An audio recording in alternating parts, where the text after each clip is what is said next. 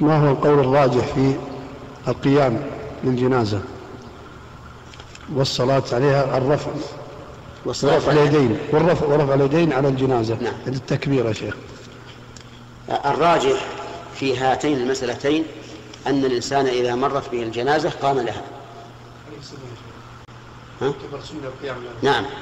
أنها إذا مرت به قام لها لأن النبي صلى الله عليه وعلى آله وسلم أمر بذلك وفعله أيضا. لكنه بعد هذا لم يقم. قام ثم قال.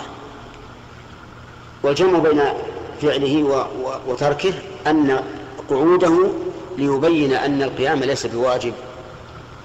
وأما رفع اليدين في تكبيرة صلاة الجنازة فالصحيح أنه يكون في كل التكبيرات.